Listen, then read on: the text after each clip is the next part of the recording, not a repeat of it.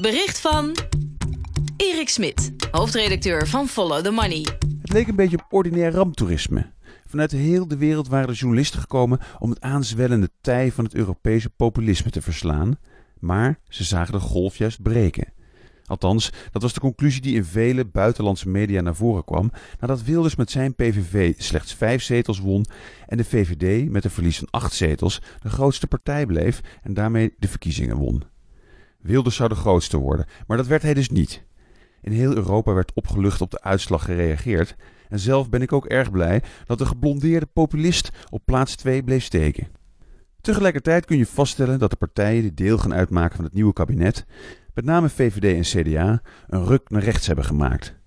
Dit zijn ook niet de partijen die fundamentele economische vernieuwingen op de agenda hebben staan.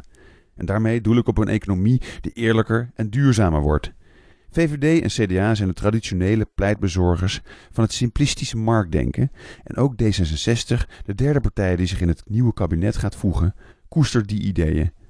De vraag is of GroenLinks met Jesse Klaver de vierde partij wordt die het kabinet Rutte 3 komt versterken.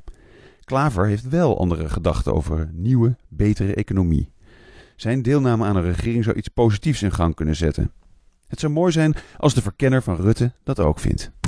De Sublime Berichten. Maandag tot en met vrijdag om half tien. Experts uit alle hoeken van de samenleving met een frisse kijk op de wereld.